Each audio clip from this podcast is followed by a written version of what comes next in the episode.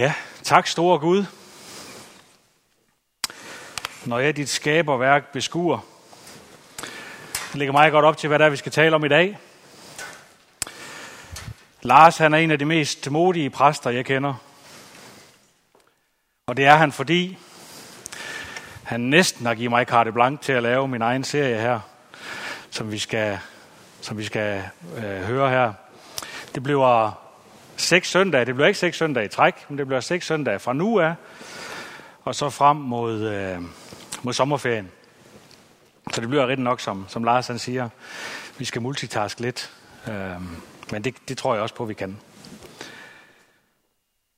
Det har øh, i mange år, nærmest lige siden jeg blev kristen, lagt mig på sinde det her med at dele den røde tråd igennem Bibelen. Det var sådan den måde, jeg kom til, til, til tro på os. Det var ligesom, det gik op for mig sådan rent uh, intellektuelt, den røde tråd i Bibelen. Det gik op for mig, at, at Jesus han må have levet, og det gik op for mig, at han måtte have været uh, Guds søn og så videre. Så det er altid, uh, det har tit været min tilgang til det, hvis jeg sådan skulle forklare andre om det. Så derfor er jeg utrolig taknemmelig for, at jeg nu får chancen for så også at, at dele det her.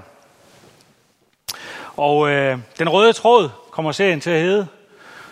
Og øh, i dag er det afsnit 1 i sæson 1.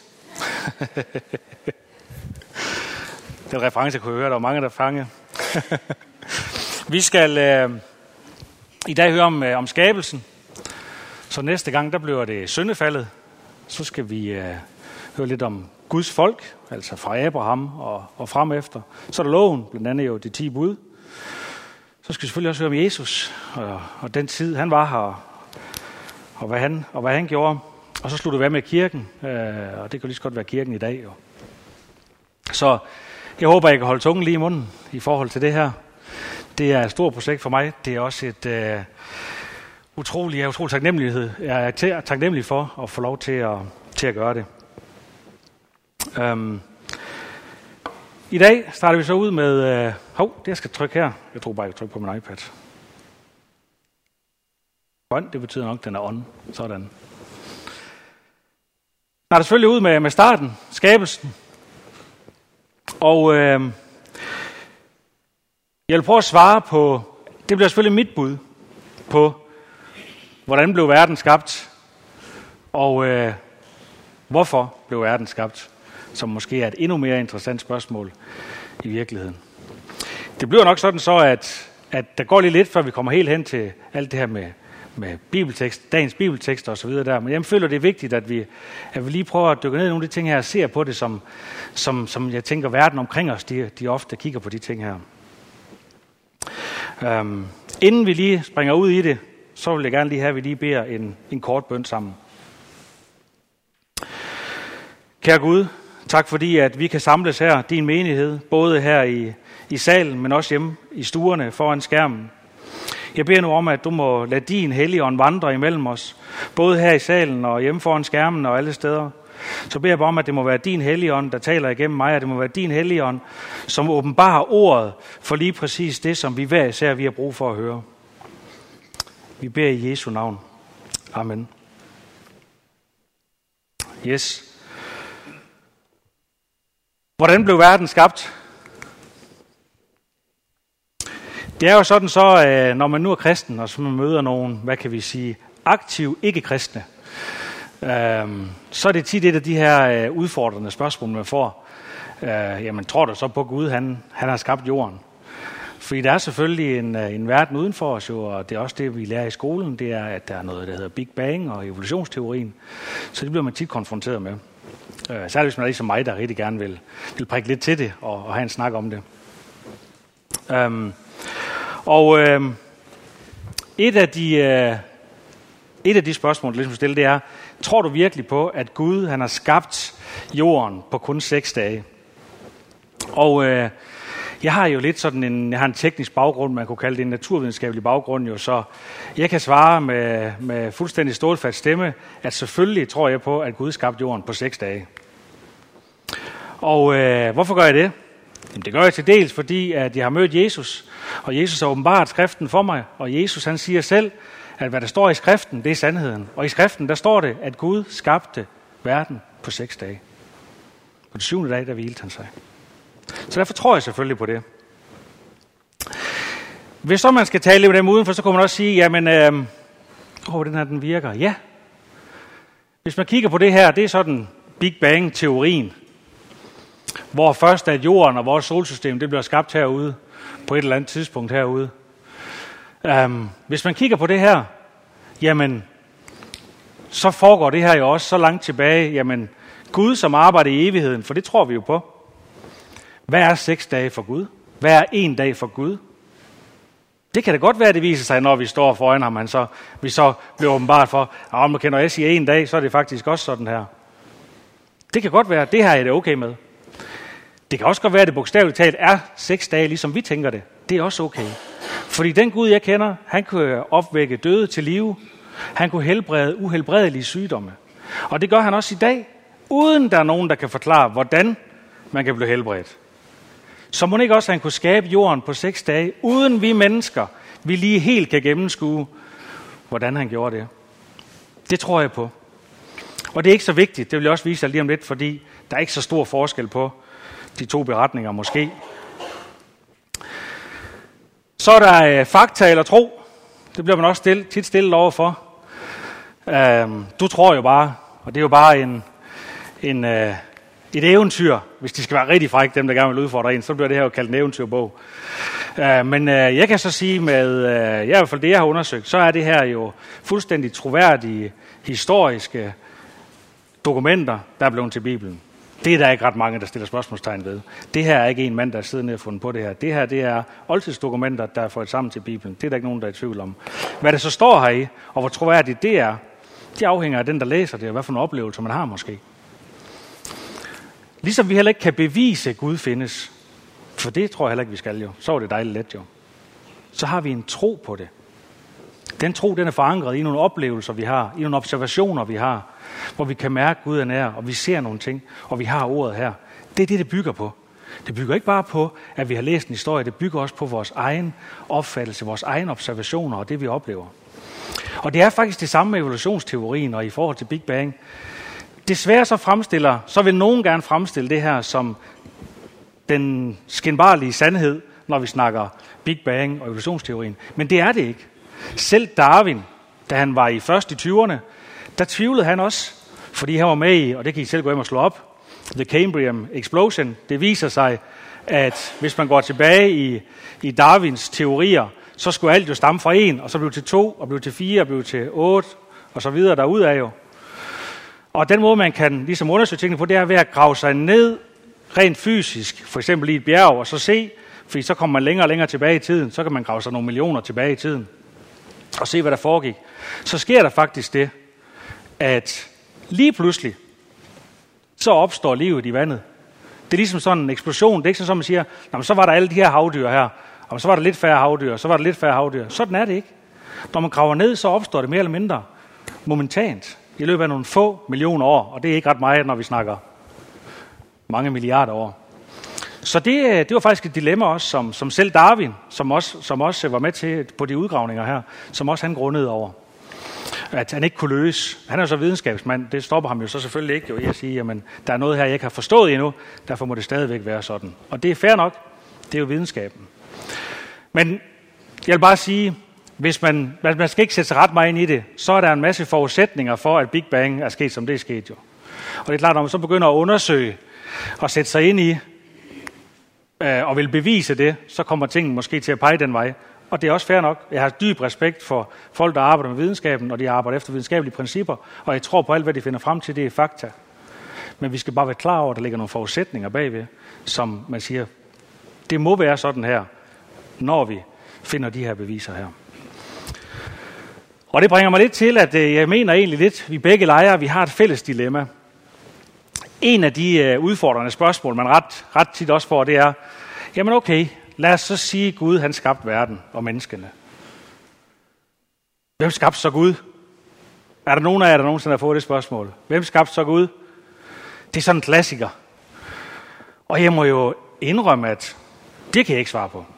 Jeg tror på, at Gud altid har været der. Men det er så set ligegyldigt, om jeg skal svare på spørgsmålet, at Gud altid har været her, eller om hvem der skabte Gud. Det er jo stadigvæk et, et spørgsmål, som Ingen kan svare på. Altså, det er jo langt ude. Det er jo, vi kan slet ikke forestille os det jo. Og det er fair nok. Det er sådan, det er. Så det kan vi ikke svare på. Men det sjove er, at jeg kunne stille nøjagtigt de samme spørgsmål i forhold til evolutionsteorien og universets opståen. For jeg kan jo spørge de samme efter, hmm, interessant med Big Bang, at det har skabt hele universet, alt hvad vi ved. Hvad var der før Big Bang? Det er et lige så svært spørgsmål at svare på. Det er lige så mindblowende. Kan I se det? Jamen, kunne noget opstå af ingenting? Nej, det kan det nok ikke. Eller, eller kan det? Det bliver også sådan lidt mindblowing at tænke på. Og her tænker jeg faktisk, hvis vi spoler tilbage til det, har vi så ikke et fælles dilemma i begge lejre, som vi kan tale ud fra. Et fælles dilemma, hvor vi siger, at vi, det, det er jo svært at overhovedet kan forklare evigheden, og Gud er evighed, lige så, lige så svært som det virkelig er at forklare, hvad var der før Big Bang. Kunne vi ikke prøve at mødes der? Nogle gange lykkes det at mødes der, og man kan blive enige om, at det er det i hvert fald det ståsted, vi så har, så må vi arbejde os derfra, og andre gange gør det ikke. Der er også den lille forskel, at vi som kristne har accepteret, at det handler om tro. Vi har accepteret, at det handler om tro. Vi har accepteret, at det vi ikke kan se umiddelbart med vores, med vores øjne, det eksisterer. Også fordi vi har mærket Jesus, vi har mødt Jesus, så vi ved det, vi tror på det. Det er en stor forskel på de to ting. Lad os så prøve at se på, hvordan, at, øh, hvordan Gud han skabte verden. Jeg skal lige have en tår Bare jeg har øvet mig, så jeg kommer ned på de halvanden time, så prædiken det maks må vare. Så. Dag 1. Det er, det er interessant at lige, lige at, støtte, og, og lige at, at gå baglæns i, hvordan var nu lige det foregik. Dag 1. Der skabte Gud lyset. I begyndelsen, der var der bare mørke og øde. Lyset, det kunne godt minde lidt om noget Big Bang herude, hvis I spørger mig. Så skiller han øh, vandet, og det er, ikke, øh, det er ikke på jorden, men det er vandet på noget på jorden og noget i himlen. Så det må jo så være skyerne, tænker jeg, der er fyldt af, af vand og regn, ligesom vi kender det jo, og så har vi vandet på jorden.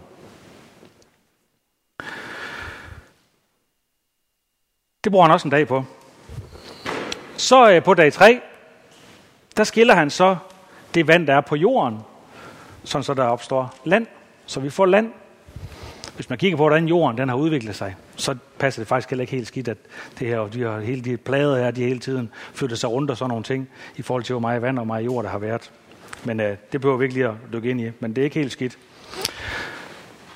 Og samme dag, der beslutter han sig for, når han nu har fået land, så laver vi også nogle planter og nogle træer og alle de ting, vi ved, der vokser op. Det sker på dag 3. Så øh, på dag 4, der staber han så solen og månen og stjernerne. Og det vil jeg godt lige se, om jeg lige kan finde her, og så lige læse. Det her, når jeg skal have brillerne herop, det er noget med evolutionen at gøre. Kan jeg så sige. Omvendt evolution, hvad nu der det hedder. øh, ja, her i, øh, i vers 14. Gud sagde, der skal være lys på himmelvælvingen til at skille dag fra nat. De skal tjene som tegn til at fastsætte festtider, dage og år. Og de skal være lys på himmelvælvingen til at oplyse jorden. Det synes jeg, det er mega interessant. På dag 4, der skaber Gud tiden. Det er vildt nok at tænke på. Det er altså først her, vi snakker om tid i Guds øjne. I hvert fald den tidsregning, som vi kender. Fordi hvad er tiden? Det er helt herude. Det er formationen af et solsystem der. Om det lige er vores solsystem, det er jeg ikke det er lidt i tvivl om. Men det er i hvert fald et solsystem. Og det, der er tid, det er jo en dag, det er, når jorden drejer rundt om sig selv en gang.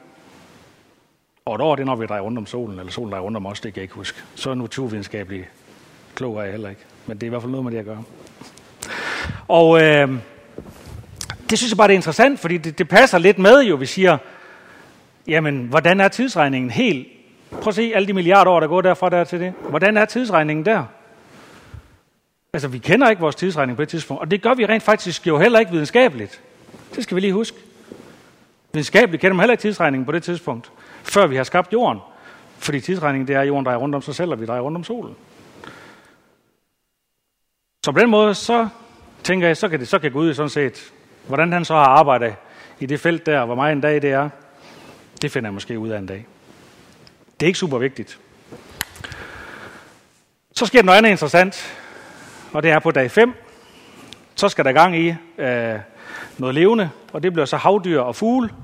Og havdyr, det er sjovt nok også, hvis man kigger tilbage i evolutionsteorien, det er også de første dyr, der opstår. Først opstår der nogle planter og nogle mikroorganismer ud fra de planter og sådan nogle ting der, hvis man kigger på videnskaben, og så ud af det opstår der nogle havdyr. Det er også derfor, man altid leder efter vand på Mars, og hvor noget man rejser hen. Det er selvfølgelig, fordi man ved, at de opstod i vandet først jo. Men det vidste også til læse Bibelen jo godt for lang tid siden, jo, kan man sige. Jo. Øhm, så det passer faktisk også godt meget godt med, med, den, med den historie, som, øh, som videnskaben fortæller. Ikke en historie. Det er selvfølgelig dyb respekt for, for al forskning. Og fuglen. Og så på øh, dag 6, der beslutter han så for at lave landdyrene, og også heriblandt hans helt specielle skabninger, menneskene. Og på den syvende dag, der hviler han, og forrige søndag talte øh, Lars om det her med sabbaten. Det, hvis det lige skal være en lille reference der, det var selvfølgelig Guds, øh, han hvilede der, men det var faktisk menneskenes første dag, og, så vi, øh, der er en god pointe i, at vi, vi starter med at, med at lade op og være klar til, til det, vi så skal ud med. Godt.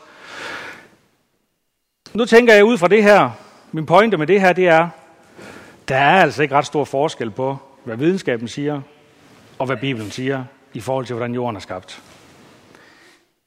For mig, og det er jo mig personligt og min tanke omkring det, så ligger det længe inden for de usikkerheder, der er, i for, både i forbindelse til videnskaben, men også i forhold til at tro i det hele taget og, og vide. Og vi erkender jo, at vi skal vide, vi skal kende stykkevis. Så, så sådan er det. Øhm, sådan, skabte vi, øh, sådan, sådan blev jorden skabt.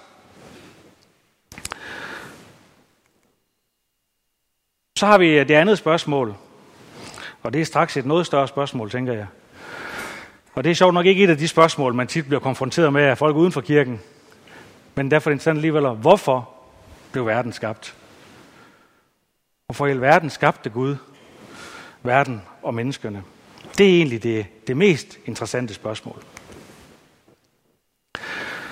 Hvis man kommer til at snakke om det, så er det samtidig, vi kan snakke om, var Gud ensom? Ved Gud var der før, var han så ensom og havde, havde derfor brug for nogle andre nogen at være sammen med.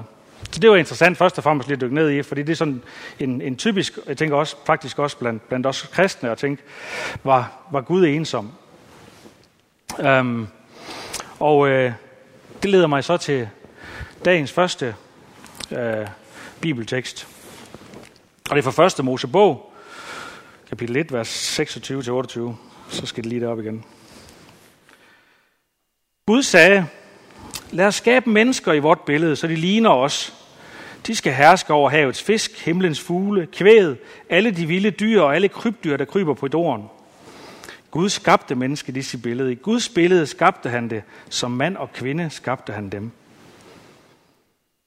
Og Gud velsignede dem og sagde til dem, bliv frugtbare og talrige, opfyld jorden og underlæg jer den, hersk over havets fisk, himlens fugle og alle dyr, der rører sig på jorden. Der ligger simpelthen så meget i de her tre vers. I forståelsen af Guds motivation for overhovedet at skabe verden. Starter med at dykke ind i en af dem. Ja. Spørgsmålet var, var Gud alene? Der står her, Gud sagde, lad os skabe mennesker i vort billede, så de ligner os. Så det er helt tydeligt, at Gud var ikke alene. Der er også senere i, øh, i de første kapitler her, hvor han er sammen med Adam og Eva, hvor han også omtaler os, da han sendte dem ud af haven, for eksempel også, der taler han også om, det er ikke godt for os. Um, så det er helt klart, at, at Gud var ikke alene. Det er umiddelbart det, jeg tænker. Men uh, hvem, hvem var han så sammen med? Det er selvfølgelig interessant. Og selvfølgelig tænker vi lige umiddelbart, at der var i hvert fald nok, der er jo treenigheden, så, så Gud og Jesus og Helligånden. Så, så, så det synes jeg også, det er interessant lige at, at prøve at dykke ned i. Og det bringer mig så til det andet bibelvers i dag. Johannes evangeliet. Jeg håber, det er der snoren, den er. Det var det. Og det er lige i starten af Johannes evangeliet, øh, kapitel 1, og det er de første fire vers. I begyndelsen var ordet, og ordet var hos Gud, og ordet var Gud. Han var i begyndelsen hos Gud. Alt blev til ved ham, og uden ham blev intet af det, som er. Blev intet af det til, som er. I ham var liv, og livet var menneskers lys. Jo, jeg fik ikke skiftet derop. Sådan.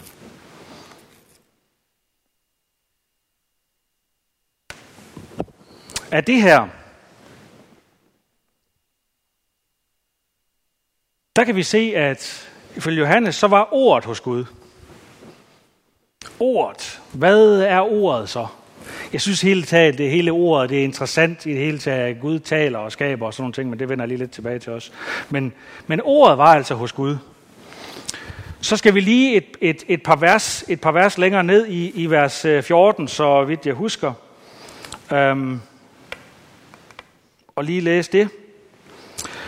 Her skriver Johannes, og ordet blev kød og tog bolig i blandt os, og vi så hans herlighed, en herlighed, som den enborne har den fra faderen, fuld af nåde og sandhed.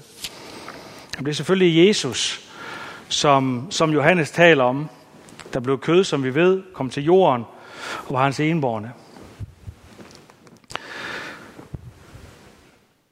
Yes. Så nu ved vi det i hvert fald, at han var sammen med Jesus. Før alting. I begyndelsen.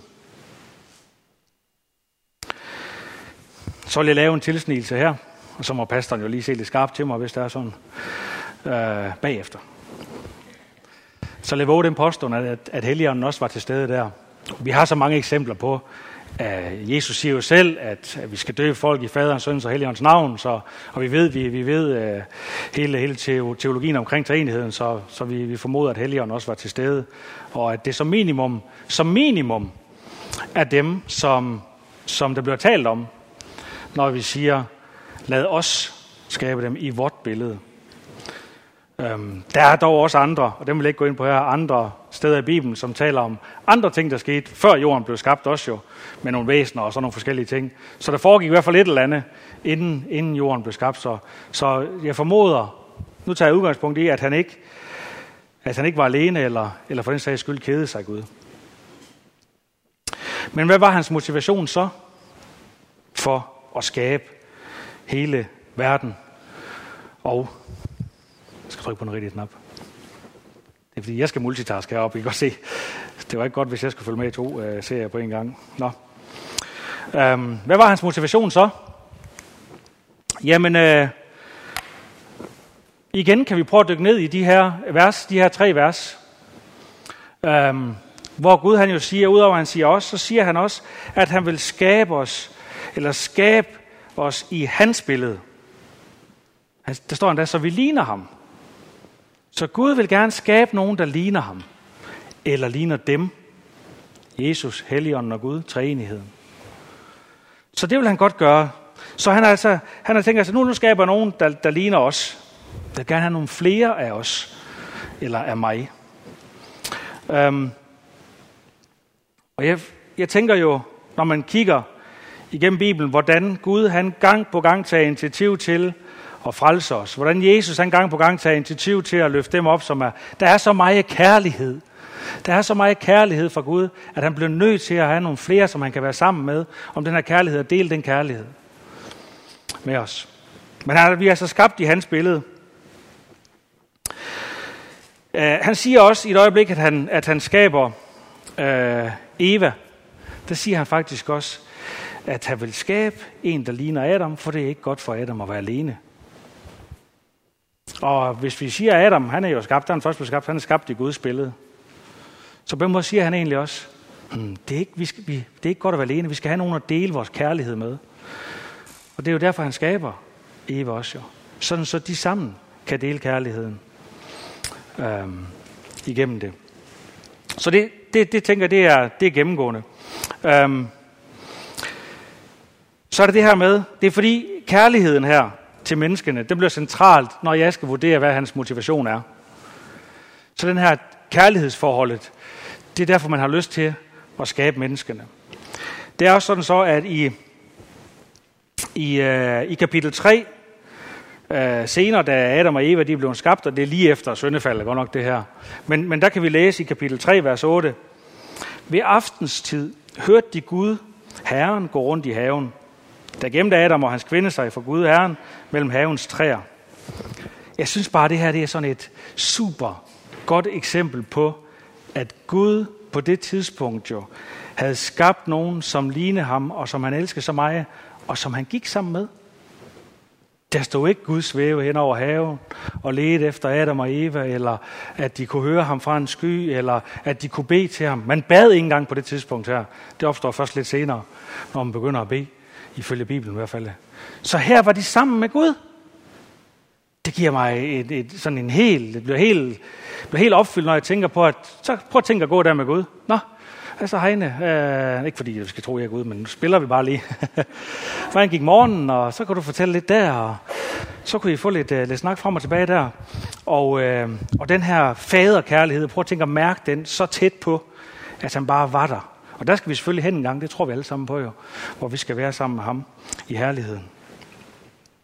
Det er også et godt eksempel på den her kærlighed, som Gud han ønskede altså at dele med nogen, der ligner ham. Så er det det her med ordet, som jeg også synes, der er interessant, når vi lige, når vi lige tænker på, hvor meget vi ligner Gud i virkeligheden. Altså, vi er jo de eneste væsener på jorden, der har fået tale på sådan en avanceret måde, at vi alene ved, hvad vi siger, kan skabe. Alene hvad vi siger, kan vi skabe frygt. Alene hvad vi siger, kan vi skabe kærlighed. Alene med hvad vi siger, kan vi skabe krig, hvis det er det, vi vil. Alene med det, vi siger, kan vi skabe stort set alt. Sætte alt muligt i gang. John F. Kennedy sagde jo engang, når de skulle flyve til månen, der alene ved noget, han sagde jo, i forhold til at dele en vision. Så alene ved tale, som er unikt for os mennesker, at vi på den måde kan udtrykke os så detaljeret, og på det her, det har vi også fået. Så på den måde ligner vi også Gud. Altså han har givet os, prøv at tænke, han skaber de første, de første indtil han skaber menneskene, det skaber han bare ved at tale. Og lad der blive lys, så bliver det lys. Det var smart alene igennem tale der. Den gave har han også givet os. Og vi kan jo bede i dag jo, på samme måde til Gud og bede ham om og, øh, og lad det blive til virkelighed. Så jeg tror på, at Guds motivation for at skabe os, det var for at dele kærlighed med os, med nogen, der ligner ham. Så får vi øh, så får vi også et indblik i, hvordan, øh, hvordan han ser det for sig. Hvad han ser det er, at, øh, at der skal ske. Der står nemlig her lidt senere. Bliv frugtbare og talrige. Opfyld jorden og underlæg jer den. Bliv frugtbare og talrige. Opfyld jorden. For det første så tænker jeg, det er fantastisk at tænke på, at Gud har skabt hele jorden, hele skaberværket. Alt muligt fantastisk. Bare for vores skyld.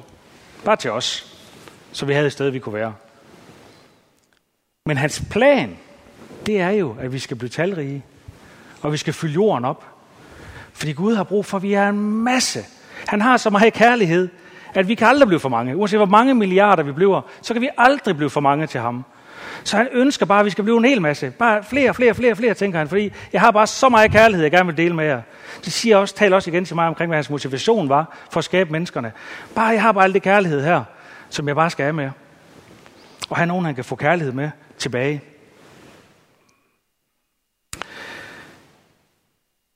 Og det, der er interessant, det er, det kan godt være, at vi bliver smidt ud af paradis og Edens have. Men der blev ikke sagt, og derfor så glemmer vi lige den plan der.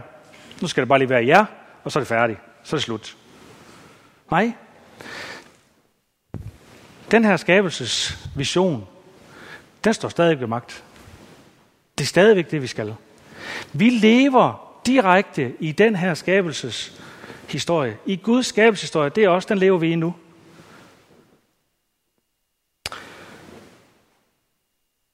Og planen har ikke ændret sig.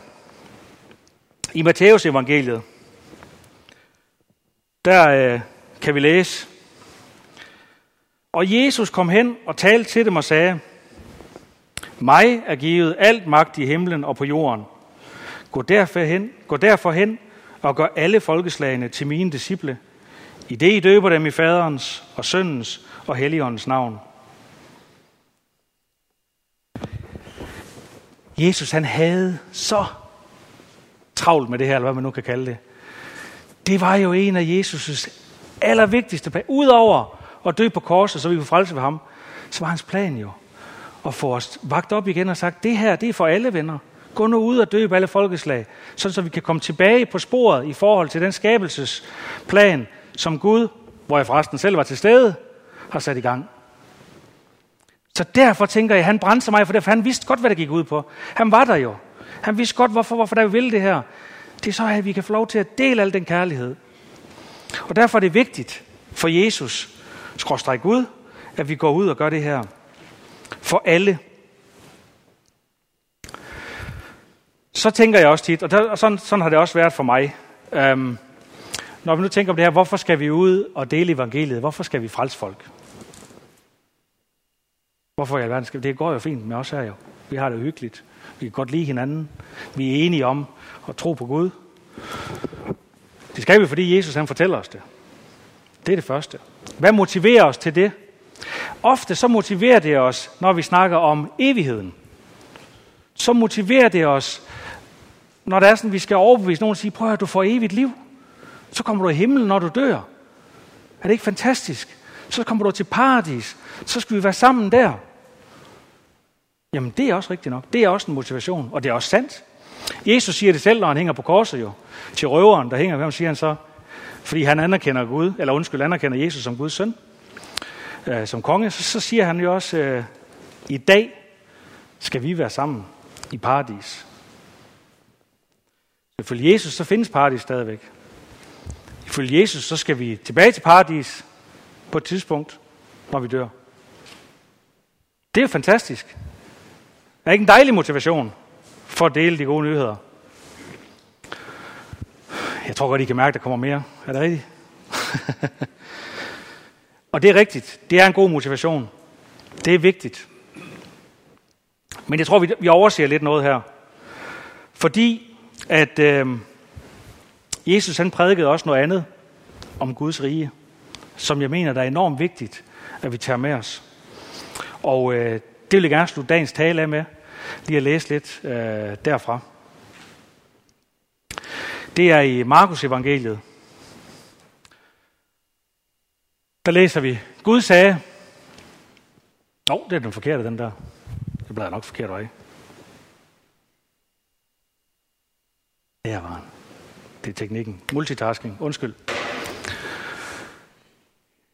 Markus evangelie. Efter at Johannes, det er Johannes døberen, han var blevet sat i fængsel, kom Jesus til Galilea og prædikede Guds evangelium og sagde, Tiden er inde, Guds rige er kommet nær, omvend jer tro på evangeliet. Guds rige er nær. Nej, det er ikke det, han siger. Guds rige er kommet nær. Det er ikke noget med, at Guds rige kommer nær, det kommer tættere på eller noget. Guds rige er kommet nær. Guds rige er her nu.